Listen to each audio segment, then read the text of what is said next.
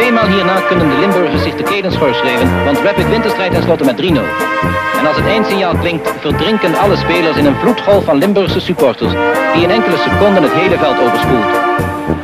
En dit is de paas,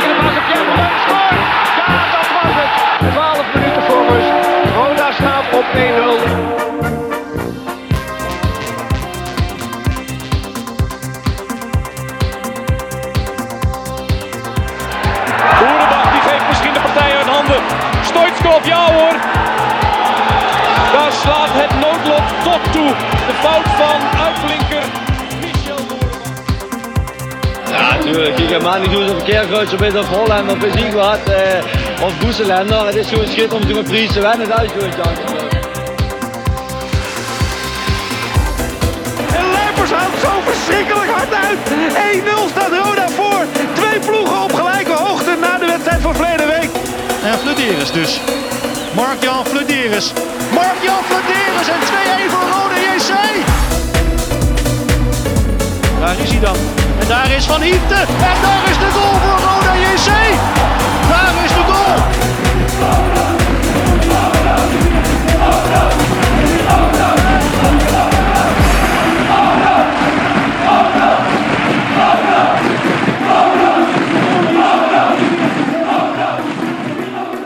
Je luistert naar The Voice of Calais. Ja, goedemiddag Bjorn. Goedemiddag Rob Fransen. Ja, we zitten niet bij elkaar vandaag. Hè. Via Skype hebben we besloten actualiteitenuitzending in te lassen. Omdat er toch nogal uh, wat dingen gebeurd zijn het laatste weekend, hè Bjorn? Ja, volgens mij hebben we tegen MVV gespeeld. En er zijn uh, wat zaken gebeurd qua Ultras Kerkrade. Uh, die nadere toelichting behoeven, denk ik. Want het heeft wel de gemoederen flink uh, losgemaakt. Ja, dat is één thema. Daar gaan we het ook vooral over hebben natuurlijk, hè, want daar hebben we mening over. Maar voor de rest zijn er nog een aantal dingen gebeurd. Daar gaan we het zo meteen ook over hebben. We gaan het ook heel even hebben over de wedstrijd aan zich natuurlijk. Hè. Ja. Um, nou, laten we eerst heel even de sponsoren doen, Bjorn. Onze sponsoren Nextdoor, Kapsalon, Nagel en Beauty Salon aan de Locht 44A8 in Kerkrade. Jegers Advocaten. Hart voor weinig, nooit chagrijnig. Zei iemand uh, op Twitter, ik dacht dat je nooit chagrijnig was. Ja, maar kijk, dat komt omdat je mensen hebt op Twitter die dan tegen mij gaan roepen, tussen aanhalingstekens, dat zou je als advocaat toch moeten weten. Dus ze gaan voor mij bepalen hoe ik als advocaat moet denken of wat voor mening ik als advocaat wel of niet zou moeten hebben.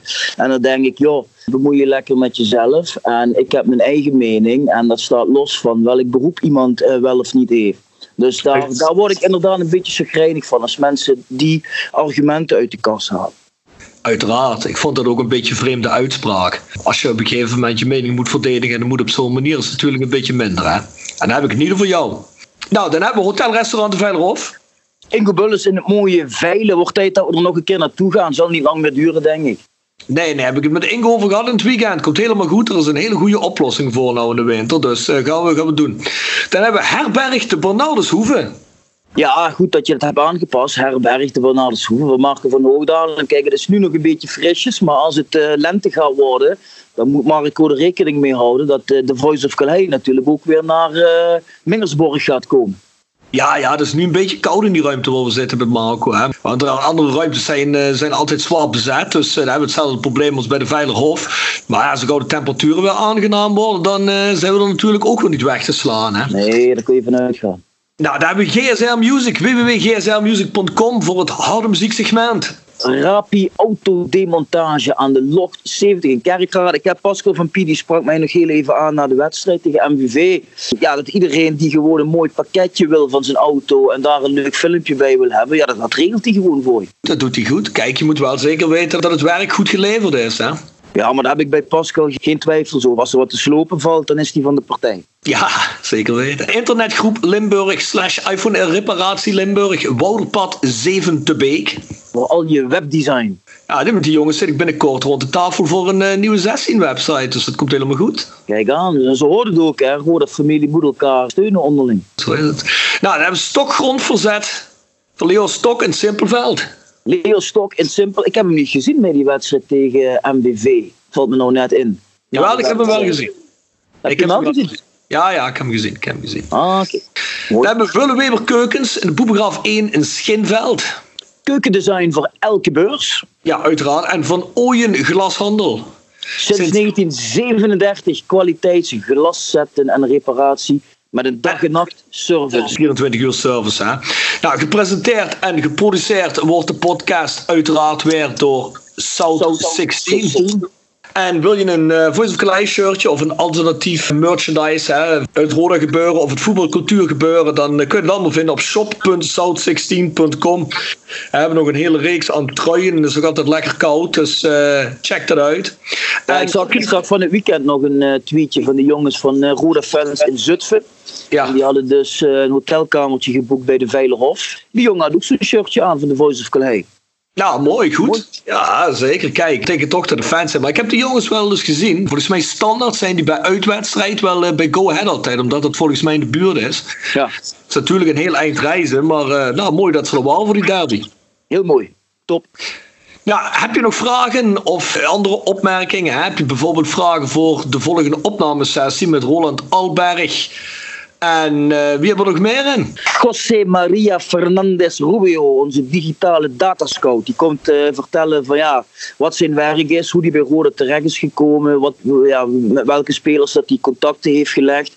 Dus dat lijkt me wel interessant. Ja, ik, ik liet jou die naam uitspreken, want ik... eh, Ja, maar ik heb er ook twee uur op geoefend. Hè.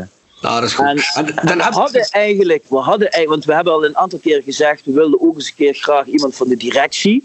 En Herman Huijne, die had toegezegd dat hij zou komen. Alleen Herman die is nu gestopt. En toen was ik al bang dat hij dan ook niet meer eh, naar de Voice zou komen. Ja, dat bleek ook zo te zijn. Herman heeft zich afgemeld. Helaas, daar gaan we het misschien daar nog even over hebben. In ieder geval heeft Roland Hogenels, die heeft gezegd dat hij wel zou komen. En dat is natuurlijk ook iemand die wel een hoop kan vertellen over het reilen en zeilen binnen de club op dit moment. Dus ik hoop dat dat met Roland eh, doorgaat. Ja, dan ben ik, eh, ben ik heel benieuwd of dat inderdaad gaat lukken. Maar in ieder geval voor die drie mensen, voor die drie gasten, mogen jullie vragen stellen. En die sturen naar thevoiceofcalais.south16.com. Als je ze daarin stuurt, heb je de grootste kans dat ze gesteld worden. Over Twitter en over Instagram en Facebook. Wil toch nog wel eens een keer verloren gaan. Wil niet zeggen dat het onmogelijk is. Maar de voiceofcalais.south16.com is het standaard adres en de standaard plek waar wij voor die vragen kijken. Nou Bjorn, je zei net al, hè, je had het over Herman Huijne. Ja. Ja, die eh, zou eigenlijk eh, interim directeur blijven eh, tot het einde van het jaar. Voetbalseizoen, zo moet ik zeggen. Toen is hij even weg geweest, of heette het dat hij weg was. Toen was hij weer terug en toen zei hij, nou, ik blijf zo lang tot Roda iemand anders heeft gevonden. En toen was hij opeens wel weg van het weekend. Ja, er zijn inderdaad een aantal eh, wisselende geluiden geweest. Van misschien tot het einde van het seizoen of dan weer tot 1 januari. Nou goed, het is iets langer dan 1 januari geworden. Maar uiteindelijk toch vrij abrupt vertrokken. Het is op zich wel jammer van de ene kant. Van de andere kant denk ik dat Herman eh, gewoon van mening is dat Roda heel snel een vaste algemeen directeur moet gaan aanstellen. En goed, dat is natuurlijk ook wel weer zo. Hè? Ik denk dat Roda inmiddels wel behoefte heeft aan een vaste structuur. Ja, natuurlijk. Maar eh, maakt dat nou niet de situatie problematisch? Dat er opeens weer een algemene di- directeur verdwijnt. Want ze hadden Herman immers directeur gemaakt. Zodat er statutair een directeur überhaupt was. Hè? Want eh, no- nogmaals, een, een vaste directeur hebben we niet. Hè? Nou ja, goed, Herman was de statutair directeur en Herman is uitgeschreven. En nu, omdat er nog geen nieuwe is, is Karel Boekaar weer eh, ingeschreven. Eh, maar het hangt en valt met de vraag, hoe lang gaat het allemaal duren? Kijk, als Roda aan het, eind, aan, aan het einde van deze week een algemeen directeur benoemt, ja, dan is het op zich geen groot probleem geweest. Maar als dat nog weken gaat duren, dan kan dat wel een probleem zijn natuurlijk. Blijft in dat geval Karel Boekaar aan als algemeen directeur? Ik denk dat we ervan uit moeten gaan dat Karel Boekaar aanblijft totdat Roda een nieuwe vaste algemeen directeur gaat benoemen.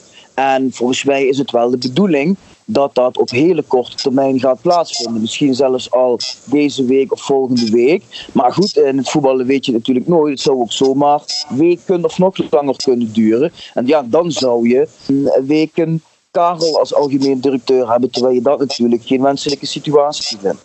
Nee, want eh, eigenlijk eh, hadden we afscheid genomen van het eh, overgrote meerderheid aan het G7 gebeuren bij Roda. Dat blijkt nu toch weer allemaal opnieuw in te stromen op deze manier. Ja. ja, goed, wat ik ervan begrepen heb, is dat omdat Herman wegging en je moet een directeur hebben, moet je heel snel iemand vinden. Nou, een van die potentiële eigenaren, die mogen dat natuurlijk niet zelf zijn. Want dan krijg je weer de La Vega toestanden. Dus ja, ja goed, uh, de mensen zullen zeggen, ja, we moeten blij zijn dat we Karel bereid hebben gevonden. Van de andere kant uh, denk je natuurlijk, ja, allemaal leuk en aardig. Van Herman naar Karel en het brengt allemaal niet veel. Zorg nou dat je heel snel die nieuwe directie neerzet. En dan kun je naar de toekomst kijken. En ik denk ook dat het hard nodig is om weer een beetje vertrouwen van de mensen terug te winnen. Want met Karel, alle respect voor Karel, ja, dat, daar win je natuurlijk weinig vertrouwen mee. Maar als je een goede nieuwe AD gaat aanstellen, ja, dan, dan krijgen mensen weer het idee van oké, misschien wordt er gebouwd naar een betere toekomst. Herman Huilne leek toch wel een redelijke rustige ja, laat ik het zo zeggen. Hij leek zijn taak rustig en consequent uit te voeren. Niet veel brani, geen gekke uitspraken. Gewoon uh, sober zijn werk doen. Waarvan wij ook al hebben gezegd: nou ja, goed, dat eh, is misschien wat we nou net nodig hebben. Het is toch een beetje verontrustend dat hij toch opeens verdwijnt, vind ik. Hè? Ja, zeker. Zit er meer ja, achter, laat ik het zo zeggen. Ja, ik, ik, ik weet niet uh, de details Rob, wat er precies achter zit. Ik heb dat Herman niet uh, gevraagd. Hij zal er ongetwijfeld zijn redenen voor hebben, anders zou hij het niet doen. Het is wat het is, we zullen het moeten accepteren. Ja, en hoe groot achten we de kans dat we Johan de Kok op deze positie gaan zien? Ja, wat wij ervan meekrijgen met het platform is dat Johan de Kok in ieder geval een van de kandidaten is met wie gesproken wordt. Er zullen ongetwijfeld uh, met meer kandidaten gesproken zijn. Is dat zo? Uh, dat is wel wat wij uh, begrijpen. Vraag me niet wie. Maar er, zullen, er, zijn vast meer kandidaten dan alleen Johan de Kok. Zou natuurlijk ook heel gek zijn als alleen Johan de Kok kandidaat was. Want dan zou je denken, ja, dan had je hem maar lang kunnen benoemen. Uh, mits je er qua salaris uitkomt. Maar uh, ik denk wel dat het nu langzaam toe moet gaan naar een definitieve keuze. Ja, want we zijn toch eigenlijk wel toe aan iemand, een algemeen directeur die ook de club een beetje begrijpt, een beetje voetbalachtergrond ook heeft. Hè? Het is misschien niet per se noodzakelijk bij een algemeen directeur, maar je runt uiteindelijk een voetbalclub. Hè? Je runt geen, uh, ja, je runt geen uh, slagerijbedrijf, hè? dus een beetje voetbalkennis. En zeker omdat Johan ook bij ons gespeeld heeft, de club beter begrijpt, denk ik, als de gemiddelde algemeen directeur die er heeft gezeten tot nu toe. Lijkt me dat toch een gedoodverfd kandidaat voor zoiets. Hè? Ja, weet je wat het is? Kijk, wij moeten het doen met uh, Johan de Kok. Uh, heeft Rode gevoetbald en heeft een universitaire opleiding afgerond en heeft bij de KNVB gezeten. Dus dan zal die er wel wat van kunnen. Ja, maar goed, uh, uiteindelijk kunnen we dat natuurlijk niet heel goed beoordelen van, van achter de computer. hoe goed Johan de Kok is als je niet zelf met hem gesproken hebt. Maar ik denk dat hij best wel een aantal zaken heeft die in zijn voordeel spreken. Maar mij gaat het er meer om, ongeacht wie het wordt Ehm, kijk, dit seizoen denk ik van kun je al bijna afschrijven. Dus hoe sneller je nu een nieuwe algemeen directeur en een technisch directeur neerzet, dan kun je in ieder geval al gaan bouwen aan het komend seizoen. En als mensen zien dat dat gebeurt, hè, dan, dan, dan, dan haken wellicht komende zomer ook niet weer heel veel mensen af. Terwijl als er niks gebeurt, ja, gaat dan uh, komend seizoen nog een seizoenskaart kopen of een sponsorpakket afnemen. Je moet nou wel eens zien dat er iets positiefs gaat veranderen. Dat is zeker zo, helemaal mee eens. Maar uh, ik zag uh, geruchten dat Jeffrey van As um, een kandidaat is om technisch directeur te worden bij Roda. Ja, dat is denk ik ook niet heel verrassend. Want Jeffrey van As die zat bij ADO Den Haag. En die heeft daar nou samengewerkt met Kees Jansma. En Kees Jansma is natuurlijk een goede vriend van Roland Rogenels. Dus het is wat dat betreft niet heel gek dat die naam dan vervolgens bij Roda opduikt. Maar of hij het wordt, ja, dat is natuurlijk koffiedik kijk. Alleen maar vanwege het feit dat hij bij de wedstrijd was. Dus denk ik wat, wat weinig om aan te nemen dat het daarom per se Jeffrey van As wordt. Ook, ook daar is ongetwijfeld met meerdere mensen gesproken zijn. Zeker, maar als je nou blij moet worden van Jeffrey van As is natuurlijk ook weer een tweede, hè? Ja, ja kijk. Ja, nee, weet ik Rob. Maar ja, goed. Uh, van welke technisch directeur kan Roda krijgen in deze situatie die zo goed is dat daar niemand op voorhand tegen is? Dat wil ik niet zeggen, maar ik wil ook niet zeggen dat ik de beste kijk op, op wat er allemaal in de kuip zit, op het niveau en het, salaris dat uh, Roda zich kan veroorloven qua technische directeurs. Maar ik vraag me dan altijd af, en ik zeg niet dat dat zo is, ik vraag het me alleen af, hè, daar wil ik even heel duidelijk in zijn. Hè. Ja is er niemand te vinden vanuit een achtergrond bij de club die misschien die taak kan vervullen. Misschien net zo goed als Jeffrey Van As. Want Jeffrey Van As heeft nou ook niet echt een super resume of zo. Dat je zegt van ja goed, eh, Jeffrey Van As als die het woord, oh dat is allemaal, eh, is allemaal netjes. Kijk, en dat die gewoon uit de hoge hoed komt van een uh, bepaalde connectie, dat vind ik allemaal best. Maar uit het hoge hoed toveren van luid door connecties, dat heeft het verleden heeft dat ook niet goed uitgepakt. Hè. Dus dan ben ik altijd meer in principe ben ik, als het een vergelijkbaar kwalitatief iemand is, of die de job net zo goed potentieel zou kunnen doen, kijk dan naar de mensen om je heen eerder, die, die closer zijn. Ja, maar ja, goed, ter verdediging van Jeffrey van As, volgens mij heeft hij het bij NAC een aantal jaren goed gedaan. En bij ADO is hij samen met Alfons Groenendijk het eerste jaar zevende geworden en het tweede jaar negende geloof ik. Of negen en elfde, hou me even te goede. Maar heeft hij bij ADO twee hele goede jaren gehad. Totdat daar El die wegging, Becker afgelopen zomer. Toen is het een beetje ingestort. Maar hij heeft op zich, zelfs op eredivisieniveau, daar is een aantal redelijke seizoenen gehad. Dus ja, ik ah, denk, goed, ik zou, ik denk ik dat daar toch naar gekeken wordt naar zo'n uh, cv. Je zal zelfs moeten rechercheren uh, wie Jeffrey Van As allemaal uh, gehaald heeft van die teams uh, die, die op die posities eindigen. En of dat daadwerkelijk op zijn resume te schrijven is. Maar goed, dat is het tweede. In het Engels zeggen ze beggars can be choosers. Hè? Dus we hebben niet veel te kiezen. Maar ja, we moeten wel oppassen met wat we binnenhalen. Dus misschien wel extra belangrijk met wat we binnenhalen. Ik, ik, ik ben ook niet altijd een fan. Dat is in het verleden ook gebeurd. En het is ook niet echt goed gegaan om te zeggen: we moeten alleen maar mensen hebben die een connectie hebben met Roda. Dat hoeft volgens mij niet altijd. Je kunt best een goede TD hebben die niks met Roda in het verleden heeft. Kijk, dat je in zo'n in zo'n directie minimaal eentje hebt met een connectie met Roda, vind ik prima. Maar ik, het hoeft voor mij niet per se. Iedereen die bij Roda komt werken, moet een connectie met Roda hebben. Anders nee, het maar kwalitatief goed is. Nee, dat zeg ik ook helemaal niet. Maar het is de afgelopen jaren wel heel erg dun gezaaid geweest. Hè? Dat is zo systematisch allemaal uitgewerkt bij Roda de laatste jaren. Wat allemaal uh, een rode achtergrond had. Dus het wordt wel tijd dat op bepaalde posities. En het hoeft lang niet elke positie te zijn. Maar dat op bepaalde posities waar er een beetje clubcultuurkarakter uh, terugkomt. En van mensen die de club begrijpen. Want onbegrip van de club. Daar hebben we dit weekend een aantal goede schoolvoorbeelden van gezien, vind ik. Eh, zeker in de commentaren op de derby. Maar goed, daar gaan we het zo meteen over hebben. Ja. Laten we heel even hebben over het voetbal in de derby. Ja. Wat wil je daar nog over kwijt, Bjorn? Ik vond dat Roda heel goed van start ging. Toen dacht ik van nou, we gaan dadelijk 1-0 maken. Ja, dan kreeg je natuurlijk de onderbreking. Na de onderbreking vond ik de eerste helft vond ik op zich best wel gelijkwaardig. De tweede helft vond ik MVV wel iets makkelijker combineren. En Roda vond ik wel echt voetballend behoorlijk teleurstellen.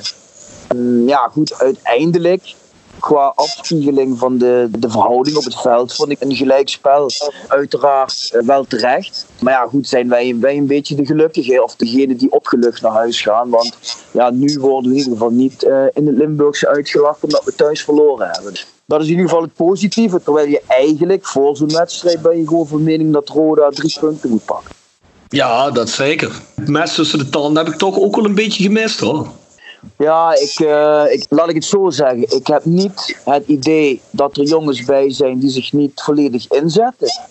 Maar ik heb ook niet het idee dat er een ploeg op het veld staat wat echt een team is en het heilige vuur heeft. Dat, dat gevoel uh, heb ik ook niet. Ik vind het toch. Nee, ja, ik weet ook niet of. Dan ik weet ook niet of natuurlijk vandaag de dag mes tussen de tanden anders geïnterpreteerd wordt. Dat er gedacht wordt van, nou ja goed, eh, als ik hard ren, dan, uh, dan betekent dat het al. Maar inderdaad, is wat je zegt, ik mis het vuur, ik mis het, ja, de ongebreidelde wil om te winnen. Dat zag ik uh, niet op het veld.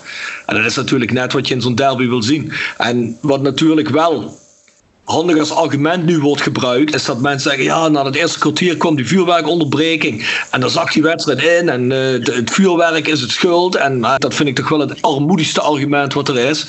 Want heel even. Ik bedoel, je, je kunt misschien wel een beetje uit de wedstrijd zijn gehaald, uh, omdat je een onderbreking hebt. Maar dat wil toch niet zeggen dat, dat je er opeens niet meer kunt brengen. Ik bedoel, het gevoel is toch niet weg dat je wil winnen dan zeker. Als dat zo is, dan weet ik, dan hebben we, dan hebben we met een niet, niet goed gemotiveerde selectie te maken. Ik wil niet zeggen dat dat, ik wil niet zeggen dat, dat zo is. Maar ik kan me wel voorstellen, ik kan me wel voorstellen dat als er zo'n onderbreking komt, dat dat eerder in het nadeel is van de, van de ploeg die op dat moment goed speelt. Want die andere partij, ja, die kan zich dan een beetje herpakken. Ja, tuurlijk. Ik, ik geloof op zich wel dat het voor ons nadeliger heeft uitgepakt. Maar als ik even kijk naar onze selectie, dan, dan denk ik toch ook wel dat die uh, bestaat uit te veel uh, ideale schoonzonen. Want welk type speler hebben wij nu nog in zo'n as? Een ervaren jongen die zo'n ploeg bij de hand pakt. Die hebben wij toch ook eigenlijk niet. De enige die dat misschien zou kunnen is Robert Klaassen. Ja, die is het zelf ook uh, al moeilijk zat. Ja. Wat dat betreft hebben we er ook niet echt op ingekomen op dat type voetballer die bij Roda past. Nee, maar dat is wat we de vorige podcast al hebben gezegd. Die derby dag podcast. Die selectie is op een vreemde manier samengesteld wat dat aangaat. Hè? Kijk, weet je wat het is, Bjorn? Omdat je dan wel merkt, en dat, dat doet mij gewoon een beetje pijn. Hè? Dat dan niet echt dat heilige vuur is van En ik. Is wat je zegt, te veel ideale schoonzone. Wel veel jongens uh, gemiddeld meer als de vorige jaren vanuit de buurt. Dus dan heb ik zoiets van, ja, jongens, kom op man. Het zal toch niet zo zijn dat, dat alle generaties uh, die nu opstaan en voetballers, dat dat allemaal jongens zijn. Een te ideale schoonzone zijn om te bikkelen in een wedstrijd. dat kan toch niet? En misschien moet je daar net mensen, en dan kom ik er toch weer op terug, en dat is de laatste keer dat ik deze podcast ga doen. Misschien moet je daar toch mensen die de clubcultuur begrijpen, bij proberen te betrekken. Bij je training, bij praten, bij mentaal iets, weet ik niet. Er zijn genoeg mensen die zich aanbieden. Er zijn genoeg mensen die wij in het verleden kennen. Die in deze wedstrijd gras hadden opgevreten. En daarbij ook nog eens een keer die Jury Schrooien erbij. Ik bedoel, ik vond dat Jean-Paul de Jong interview op Fox Sport vond het ook maar lafjes. Natuurlijk was Jean-Paul de Jong blij dat hij wegkwam, hè, nog met een 2-2. Het is niet beter geworden erop na de winterstop hoor. Nou, sterker nog, kijk, uh, je noemt nou de naam Jean-Paul de Jong. En ja, we moeten daar toch ook bij benoemen dat je steeds vaker en vaker de signalen hoort dat het niet meer helemaal uh, goed botert tussen Jean-Paul de Jong en mensen in de organisatie en in de selectie. En um, ja, ik denk dat je dat toch ook een beetje ziet uh, aan het spel op het veld. Dus volgens mij zit dat daar niet helemaal 100%. Ja, goed. Dat, dat zou best kunnen, maar dat vind ik als jij een prof bent en je, je wordt opgesteld. Want het zijn eigenlijk altijd dezelfde startelf. Daar gaan we niet meer over hebben of dat goed of slecht is. Maar als jij in die eerste elf zit, dan moet je toch eigenlijk blij zijn dat je speelt en dan moet je gewoon gas geven. Ik vind dat geen excuus. Nee, maar ja, we zien dat het niet gebeurt. Dus uh, daar zullen geheid redenen voor zijn. En ik vermoed dat dat een van de redenen zou kunnen zijn. Ik zeg niet dat het zo is, maar je hoort het wel steeds vaker en vaker. Uh, ik zou het enorm onprofessioneel vinden als dat zo is. Ja, maar ja, goed, het zijn profvoetballers, zijn geen koelputen. Daar heeft het helemaal niks mee te maken. Je voert je beroep uit en dat moet je op de best mogelijke manier doen. En er ja, wordt nou eenmaal van je geëist dat je zo hard mogelijk gaat, vind ik. En als je dat niet, als je dat niet kunt... Het zo. Maar in de praktijk, hoeveel, hoeveel seizoenen hebben wij al niet gehad dat we zeiden van dat elftal is niet vooruit te branden. Ja, dat zal wel, maar dan mag je daar ook op afgerekend worden. Dan moet je als speler ook niet zielig liggen doen als je erop afgerekend wordt. Want ja. we kunnen geen paradepaardjes inkopen. Die jongens die er nu spelen zijn allemaal geen paradepaardjes. Want anders hadden ze wel bij de paradepaardjesclub gespeeld. Als ze zich daar nu nog te goed voor voelen, dan moet je gewoon optieven. Ik, ik wil niet zeggen dat het zo is bij de selectie, maar als ik dit soort geluiden hoor, en het is volgens jou ook op het veld te zien, ik zeg alleen maar in die situatie, als dat echt zo zou zijn, nou, dan heb je bij mij meteen afgedaan, want dat hoort niet bij deze club. Daar heb je een foute club uitgezocht en dan moeten de mensen zich uh, die technisch beleid voeren of die dit gaan doen, ook maar eens heel diep over na gaan denken. Want dat soort mensen horen hier gewoon niet thuis. Dan heb ik liever een voetballer die qua kwaliteit een stukje minder is, wel het gras opvreet en dat kan compenseren. En dat hij zegt, nou, ik ben misschien niet helemaal dat niveau, maar je komt wel niet bij mij er langs. Klaar. Nou, ik denk dat iedereen op het veld persoonlijk wel 100% zijn best doet. Maar dat betekent nog niet dat je als geheel, als team uh, met elkaar samenspeelt. En, en daar ontbreekt het wat mij betreft nou wel, uh, ja. nou wel een beetje aan. Er wordt niet echt als ploeg met veel plezier aan de slag gegaan, is mijn indruk. Goed. Ja, die indruk heb ik ook. En als dat zo is, dan geldt wat ik net gezegd heb, was mijn mening. Is dat niet zo, zou ik het fout hebben, dan, en wij hebben een compleet fout zicht daarop, dan, ja, dan geldt dat natuurlijk niet. Maar goed, Bjorn, laten we heel even overstappen naar uh, wat eigenlijk om ging. En dat is namelijk de twee onderbrekingen van dit weekend bij de derde Ultras Kerkrade hadden zich een actie, in dit geval twee acties, laten invallen. En de eerste actie was een uh, geel-zwarte pyro-actie, rookactie. Hè? Om nou ja, goed clubkleuren kracht bij te zetten, de derbykracht bij te zetten. Vond ik iedereen schitterend. Werd heel even kort gestaakt omdat het heel even slecht zicht was. Maar daarna zijn we ook meteen, ik geloof een minuutje daarna, meteen beginnen met spelen. Kwartiertje later ongeveer is er weer een actie geweest met heel veel zwarte rook. Die actie die werd door de jongens van de UK werd die, uh, gedaan omdat er geprotesteerd werd tegen het vroege tijdstip en het verschuiven naar het vroege tijdstip op de zondag. Omdat Fox Sport daarvoor gevraagd had, zodat ze de wedstrijd live konden uitzenden. En dat er volgens mij nog een aantal wedstrijden uh, achter konden komen, zodat ze een programma vol konden maken. Nou is er net vanmiddag een statement verschenen van de UK. En dat is ook iets wat ik uh, eigenlijk een heel goed statement vond. Ik weet niet of jij dat al gelezen hebt. Ik heb hem net gelezen, ja. Nou, de jongens zeggen daarin ook, uh, luister mensen, dat sommige mensen niet helemaal eens zijn met de uitvoering ervan. En hoe het geprotesteerd wordt, begrijpen we nog wel. Maar wij doen dat gewoon op deze manier, dus onze manier. We willen gewoon er aandacht voor dat Fox Sport het niet voor het zeggen heeft bij onze club en in de voetballerij. Wij zijn fans, we staan er altijd. De wedstrijd werd verschoven. De originele tijdstip was volgens mij 8 uur of half 9 op vrijdagavond. Toen werd de wedstrijd verschoven naar kwart voor 12, wat sowieso dus commercieel slechter is voor Roda, omdat er heel veel clubgebeuren is op de zondagvoormiddag in de oostelijke mijnstreek, in het Limburgse sowieso. Daarvan afgezien zijn er toch meer mensen die naar zo'n wedstrijd komen dat ze weten dat de zaterdag meestal vrij is. Mensen drinken een biertje extra, mensen blijven wat langer hangen, dus het commercieel gezien ook een stuk interessanter, denk ik, als je naar catering gaat kijken en dergelijke. Maar een Fox Sport, en dat zeggen de jongens van de UK ook heel duidelijk, en daar ben ik het volledig mee eens, een Fox Sport die zich normaal helemaal niet interesseert voor een club als Roda, omdat ze niet meer commercieel interessant zijn voor ze. Ze zien nu dat er een derby is, die is wel interessant voor ze. Die is de ene wedstrijd in het jaar, omdat ze ook wel vermoeden dat er spektakel is. En waarschijnlijk ook stiekem een beetje op de tribune ja, eisen dan of vragen dan dat die wedstrijd op dat tijdstip gespeeld kan worden. Nou weet ik niet of Roda daar nog een beetje extra inkomsten van krijgt. Maar het is toch te gek dat de tv en vooral commerciële zenders die zich normaal helemaal geen reden interesseren voor je club meer, dat die gaan bepalen hoe jouw club moet spelen. En als daar aandacht voor gevraagd wordt en dat er een protestactie voor gedaan wordt, of tegen gedaan wordt, vind ik dat eigenlijk wel een, eh, een zeer legitieme zaak, moet ik zeggen, Bjorn. Voor mij geldt dat, dat ik vind dat je moet realiseren dat er mensen en supporters kunnen zijn die een andere mening hebben dan jezelf. En dat je daar ook een stukje begrip voor moet hebben. Kijk, ik zelf ben ik heel eerlijk in, ik heb geen problemen met kwart over twaalf. Ik vind kwart over twaalf gaat nog liever dan om half drie, want dan zit je de hele dag maar wat te wachten tot je, tot je naar het voetballen kan gaan. Maar ik heb er ook begrip voor dat de jongens van de UK daar wel moeite mee hebben. En dan met name dat Fox commercieel even bepaalt wanneer dat gaat gebeuren. Uh, ja, goed, daar, daar moet je al wat begrip voor hebben. En uh, we hebben die jongens ook uh, bij de Voice of Calais gehad een aantal weken geleden. En ze hebben ook daarin duidelijk aangegeven dat Piro voor hun een belangrijk onderdeel is, ook om hun argumentenkracht bij te zetten. Dus dat zoiets dan gaat gebeuren, daar had ik in mijn achterhoofd wel al rekening mee gehouden. En je weet dat dat een aantal keren per jaar kan voorkomen. Het hebben die jongens ook niet onder stoelen of banken gestoken dat, dat zij uh, zo naar bepaalde zaken kijken. Ja. Het, enige, het enige, denk ik, waar uh, veel mensen boos over zijn, is natuurlijk het gegeven dat uh, waarschijnlijk weer een boete gaat krijgen. En uh, dat is wat veel mensen frustreert. Uh, alleen, en daar heb ik ook wat discussie over gehad op Twitter met een aantal mensen. Ik vind wel, kijk, als je bijvoorbeeld zegt: luister jongens, ik ben het niet met jullie eens. Jullie kosten de club hiermee een boete. En uh, daarom vind ik dat je het niet moet doen, punt. Daar heb ik alle begrip voor. Maar mensen die helemaal gaan doorschieten met termen als randebielen, levenslang stadionverbod, ze maken de club kapot. Dan denk ik, ja joh, dan heb je niet de moeite gedaan om je te verdiepen in de materie en in die jongens. En uh, dat vind ik zwaar overdreven, want we moeten ook constateren, het is niet zo alsof iemand is doodgegaan of vermoord is. Hè? Bedoel, we hebben het ja. over wat vuurwerk, wat een relatief geringe geldboete uh, kost. En uh, dat moet je niet overdrijven vinden. Daar ben ik het mee eens. Kijk, vooropgesteld wat je zegt, niet iedereen is het eens met hoe dingen uitgevoerd worden en hoe protest gevoerd wordt. Hè. Hebben in het algemeen ook, dat is niet alleen bij voetbalwedstrijden. Sommige mensen houden vreedzaam protest, anderen zijn er wat gewelddadiger in.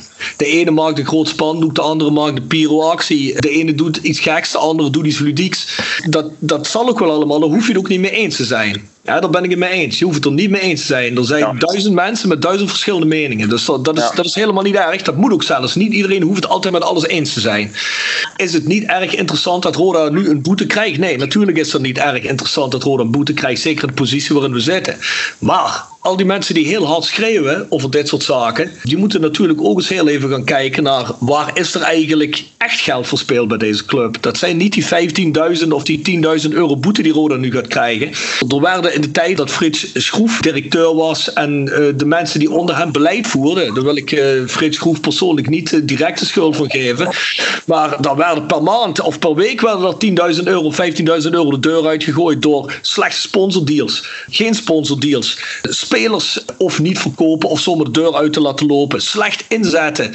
Ik noem een uh, Ton Kahn die 2 miljoen in zijn schoot krijgt geworpen en eigenlijk compleet vernietigd. Daar hebben mensen zich toen ook over opgewonden.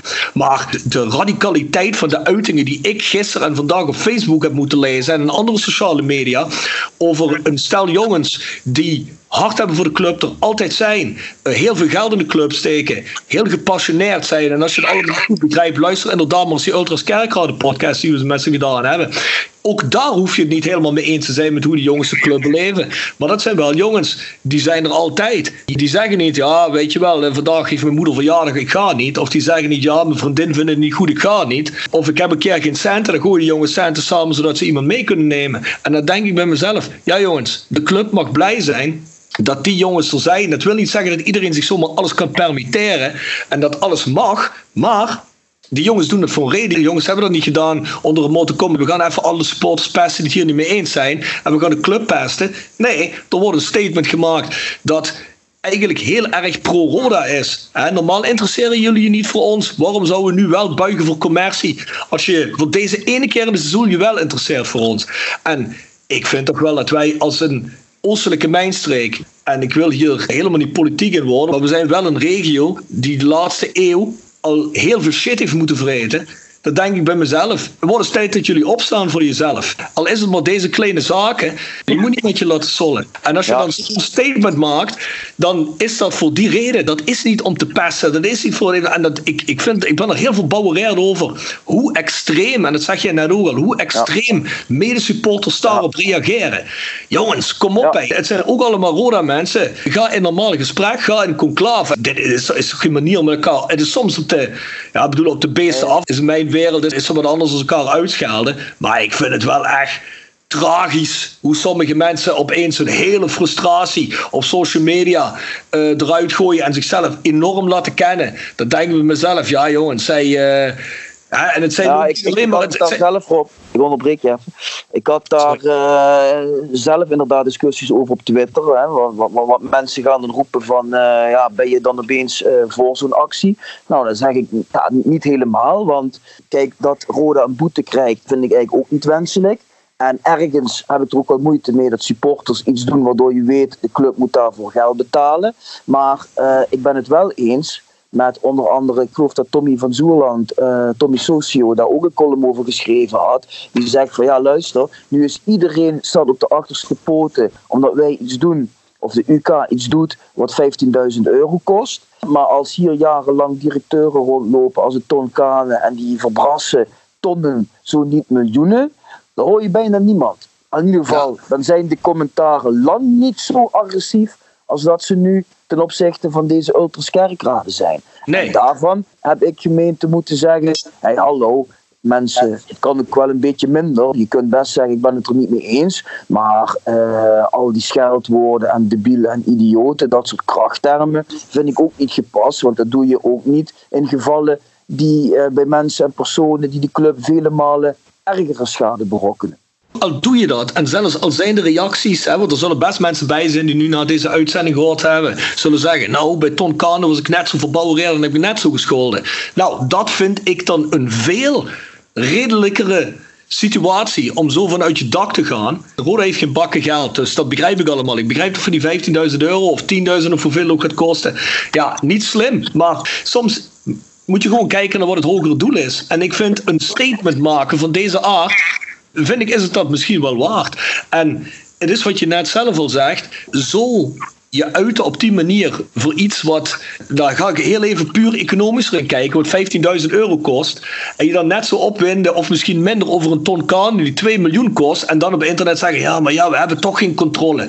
Uh, ze luisteren toch niet naar ons, dus ik zeg maar niks meer. Dan blijf ik maar gewoon weg, want dat is mijn club niet meer. Dat denk ik bij mezelf. Zo gelaten heeft iedereen gereageerd. Of veel mensen gereageerd en, en zo verslagen. Maar omdat de UK is, omdat het jongens zijn die gemiddeld een stuk jonger als de gemiddelde rode toeschouwer zijn, je zo zitten op te winden.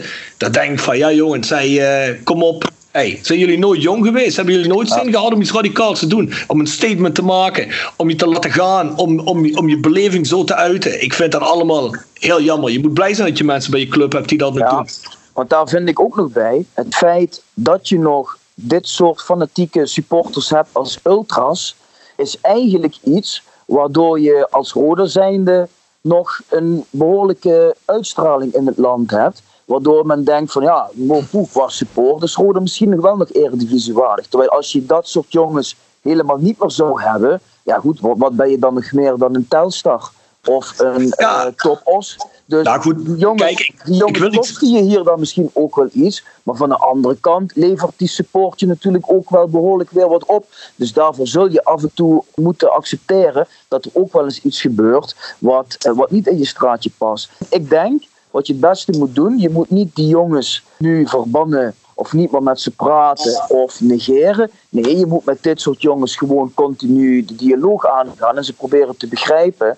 En dan te kijken of je op één lijn met elkaar kunt komen. Dat lijkt mij nog altijd de beste manier. Ik denk dat beide partijen daar ook helemaal niet, in ieder geval, uh, ik denk de jongens van Ducat tegen dialoog ook helemaal niet onwillend zouden staan. Maar ik begrijp het trouwens ook niet, die dubbele moraal. Want toen het tien jaar UK werd gevierd, uh, was dat niet die wedstrijd tegen NAC met dat hele grote spandoek? Ja. Uh, toen was er ook vuurwerk van achter de tribune. Op de tribune was er pyro, er was ook rookontwikkeling. Toen was het halleluja, toen was het, oh dat is zo mooi en het was een fantastische sfeer en het is allemaal super. Op de een of andere manier wordt het gestaakt en is de rook iets dikker en is er opeens het compleet omgedraaide. Ja, die vuurpijlen was misschien niet zo handig. Want dan, kijk, als je daar een speler mee zou raken, of een scheid of wat dan ook, dan denk ik dat je als club de raap uh, hebt. Dus, ja, eh, zeker. Uh, dat is misschien niet zo handig. Maar de, ik, ik ben op zich wel, ben ik heel eerlijk in. Ik vind dat heel mooi. Vuurwerk bij voetbalwedstrijden. Als je af en toe in het buitenland kijkt, wat daar aan vuurwerk wordt afgestoken rondom voetbalwedstrijden, ja, dan is dit nog een lakkertje tegen. En, ik vind het wel mooi. Ik vind het ook erg betuttelend van een KNVB dat ze zoiets allemaal maar willen verbieden. In plaats van dat ze gaan kijken, nou kunnen we iets mogelijk maken op een bepaalde plek dat het daar wel mag. nee, het wordt maar gewoon allemaal verboden. Terwijl het eigenlijk wel sfeerverhogend is. Want ik had mijn zoontje voor de eerste keer mee naar Roda. En die was echt onder de indruk van het vuurwerk. Die vond het prachtig. Dus ik, ik ben er wel een voorstander van. Ja, maar Bjorn, dat vonden we toch vroeger allemaal prachtig. Ik vond het prachtig als ik naar het uitvak keek vroeger en er was een hoop beleving. Of agressiviteit, en dat bedoel ik nog niet eens meer dat er alles gesloopt werd of dat, er vechtpartijen waren. Maar gewoon dat er een beetje reuring was, dat het allemaal een beetje een echte wedstrijd. Het merkte meer in de beleving. En de helft van de tijd zat ik meer op publiek te kijken als wedstrijd, als de wedstrijd niet zo denderend was.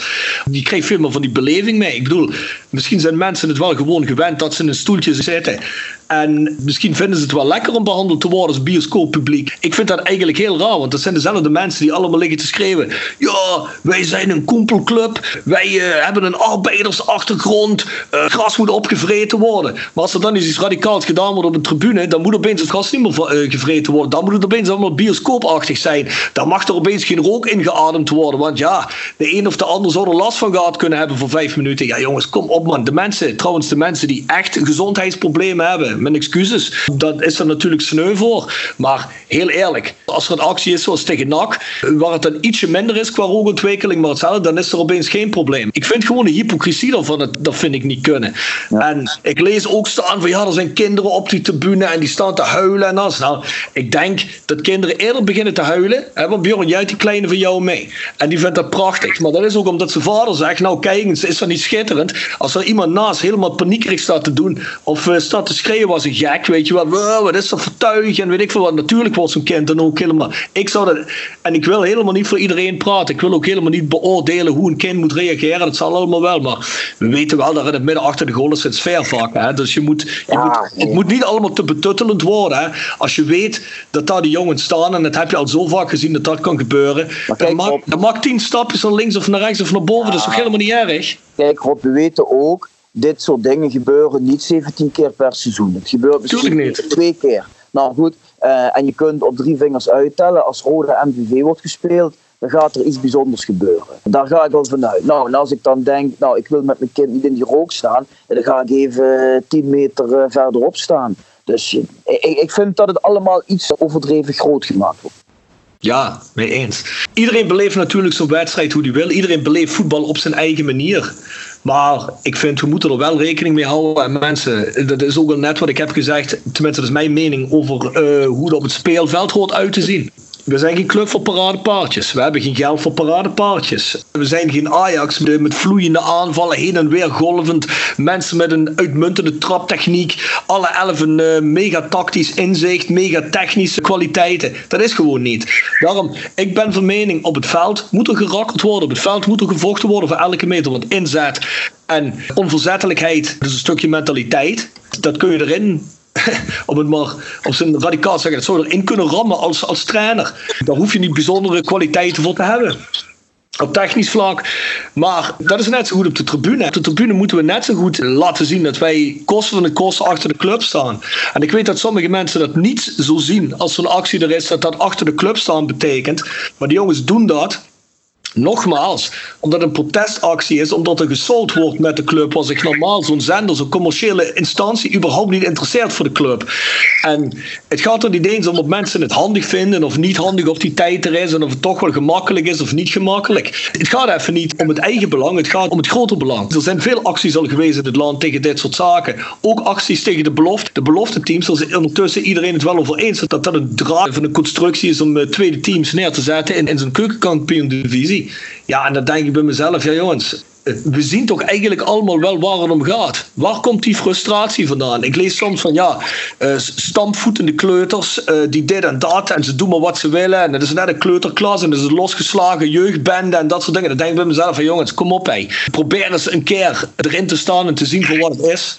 Nee, Eh, maar dat is, wat, dat is wat ik in het begin ook zei. Hè. Probeer ook, kijk, kijk dat, je, dat je gewoon zegt van ik ben het hier niet mee eens, want het kost een boete. En ik vind dat, dat je als supporter Rode geen boete moet bezorgen. Punt. Nou goed, die mening kan ik heel goed volgen, want dat vind ik ook een beetje het argument waar het wringt. Dat het Roda geld kost, daar, daar heb ik ook moeite mee. Maar eh, probeer tegelijkertijd wel je te verdiepen in de materie en te denken van hé, hey, oké, waarom zouden die jongens dat doen? En probeer je daar dan een beetje voor open te stellen. En ga ook niet meteen met krachttermen gooien of eisen dat dit soort jongens levenslange stadionverboden krijgen. Want dat, dat vind ik gewoon allemaal eh, doorgeschoten. Ja, ik vind het heel schrijnend. Ik refereer even naar ons clublied. Wir blieven alle neu bij. Een beetje begrip en conversatie tussen eh, mensen die het niet eens zijn eh, leidt tot veel meer. Dan beginnen te schellen en je meteen tegen elkaar te keren. Nogmaals, ik heb vol onbegrip zaken gelezen en, vol, en eigenlijk ook verbouwereerd. En ik werd naderhand kwaad en gefrustreerd dat ook doorgewinterde Roda-fans zich eh, met allerlei rare krachttermen uiten tegen dit soort jongens. Dan denk ik van in eerste instantie zijn we allemaal Roda. Eh, die jongens doen dat niet omdat ze Roda kapot willen hebben. Want die jongens zijn bij elke uitwedstrijd ook. Eh, zijn al die mensen die dat schreeuwen dat ze allemaal Roda warm hart toedragen, zijn die daar ook. Ik ben niet eens bij elke uitwedstrijd en ook helaas niet bij elke thuiswedstrijd, omdat ik gewoon niet kan. Vier blieven alle nui bij je betekent niet dat je met elkaar eens moet zijn over alles. Betekent ook niet dat je eh, alles maar moet pikken van iedereen. Maar het betekent wel dat er conversatie moet zijn, dat je je achterhoofd moet houden. Wij strijden hier allemaal voor hetzelfde doel. En dat is om deze club in leven te houden. Het levendig te houden op de tribune.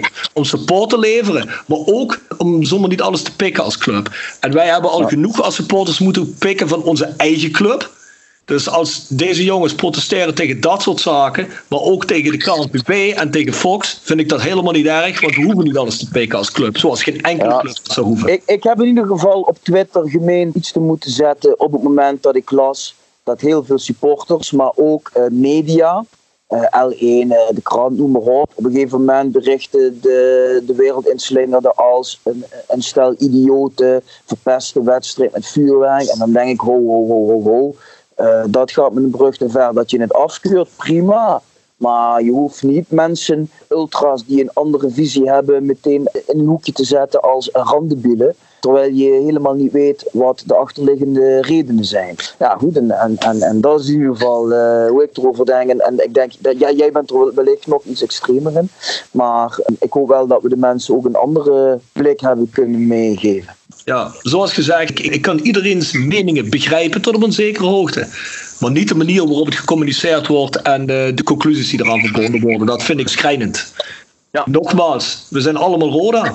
Hou dat een beetje in je achterhoofd. Dat gebeurt op het moment niet. En dat vind ik schrijnend. Ik vind niet dat we ooit kunnen gebruiken bij deze club. Niet in slechte tijden en ook niet in goede tijden.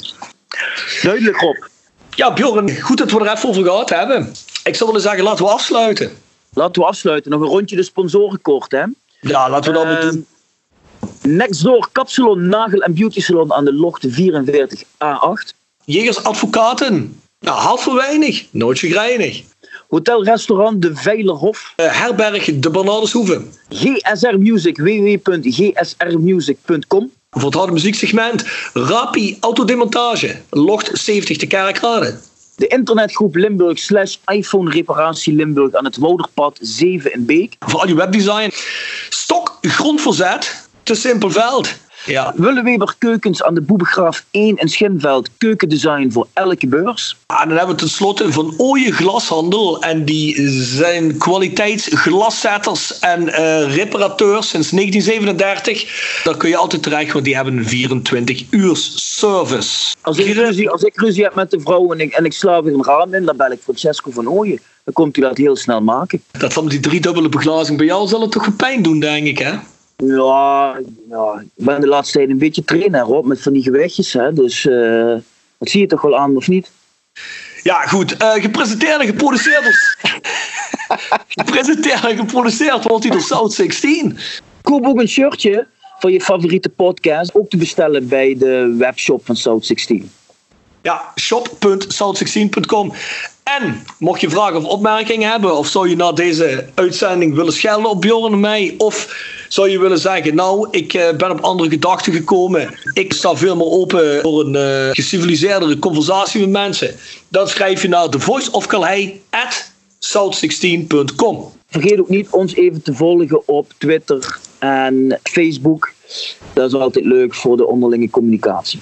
Ja, Bjorn, dan zou ik zeggen, wij zien elkaar bij de volgende opname weer. Ja, Rob, tot snel. Tot snel.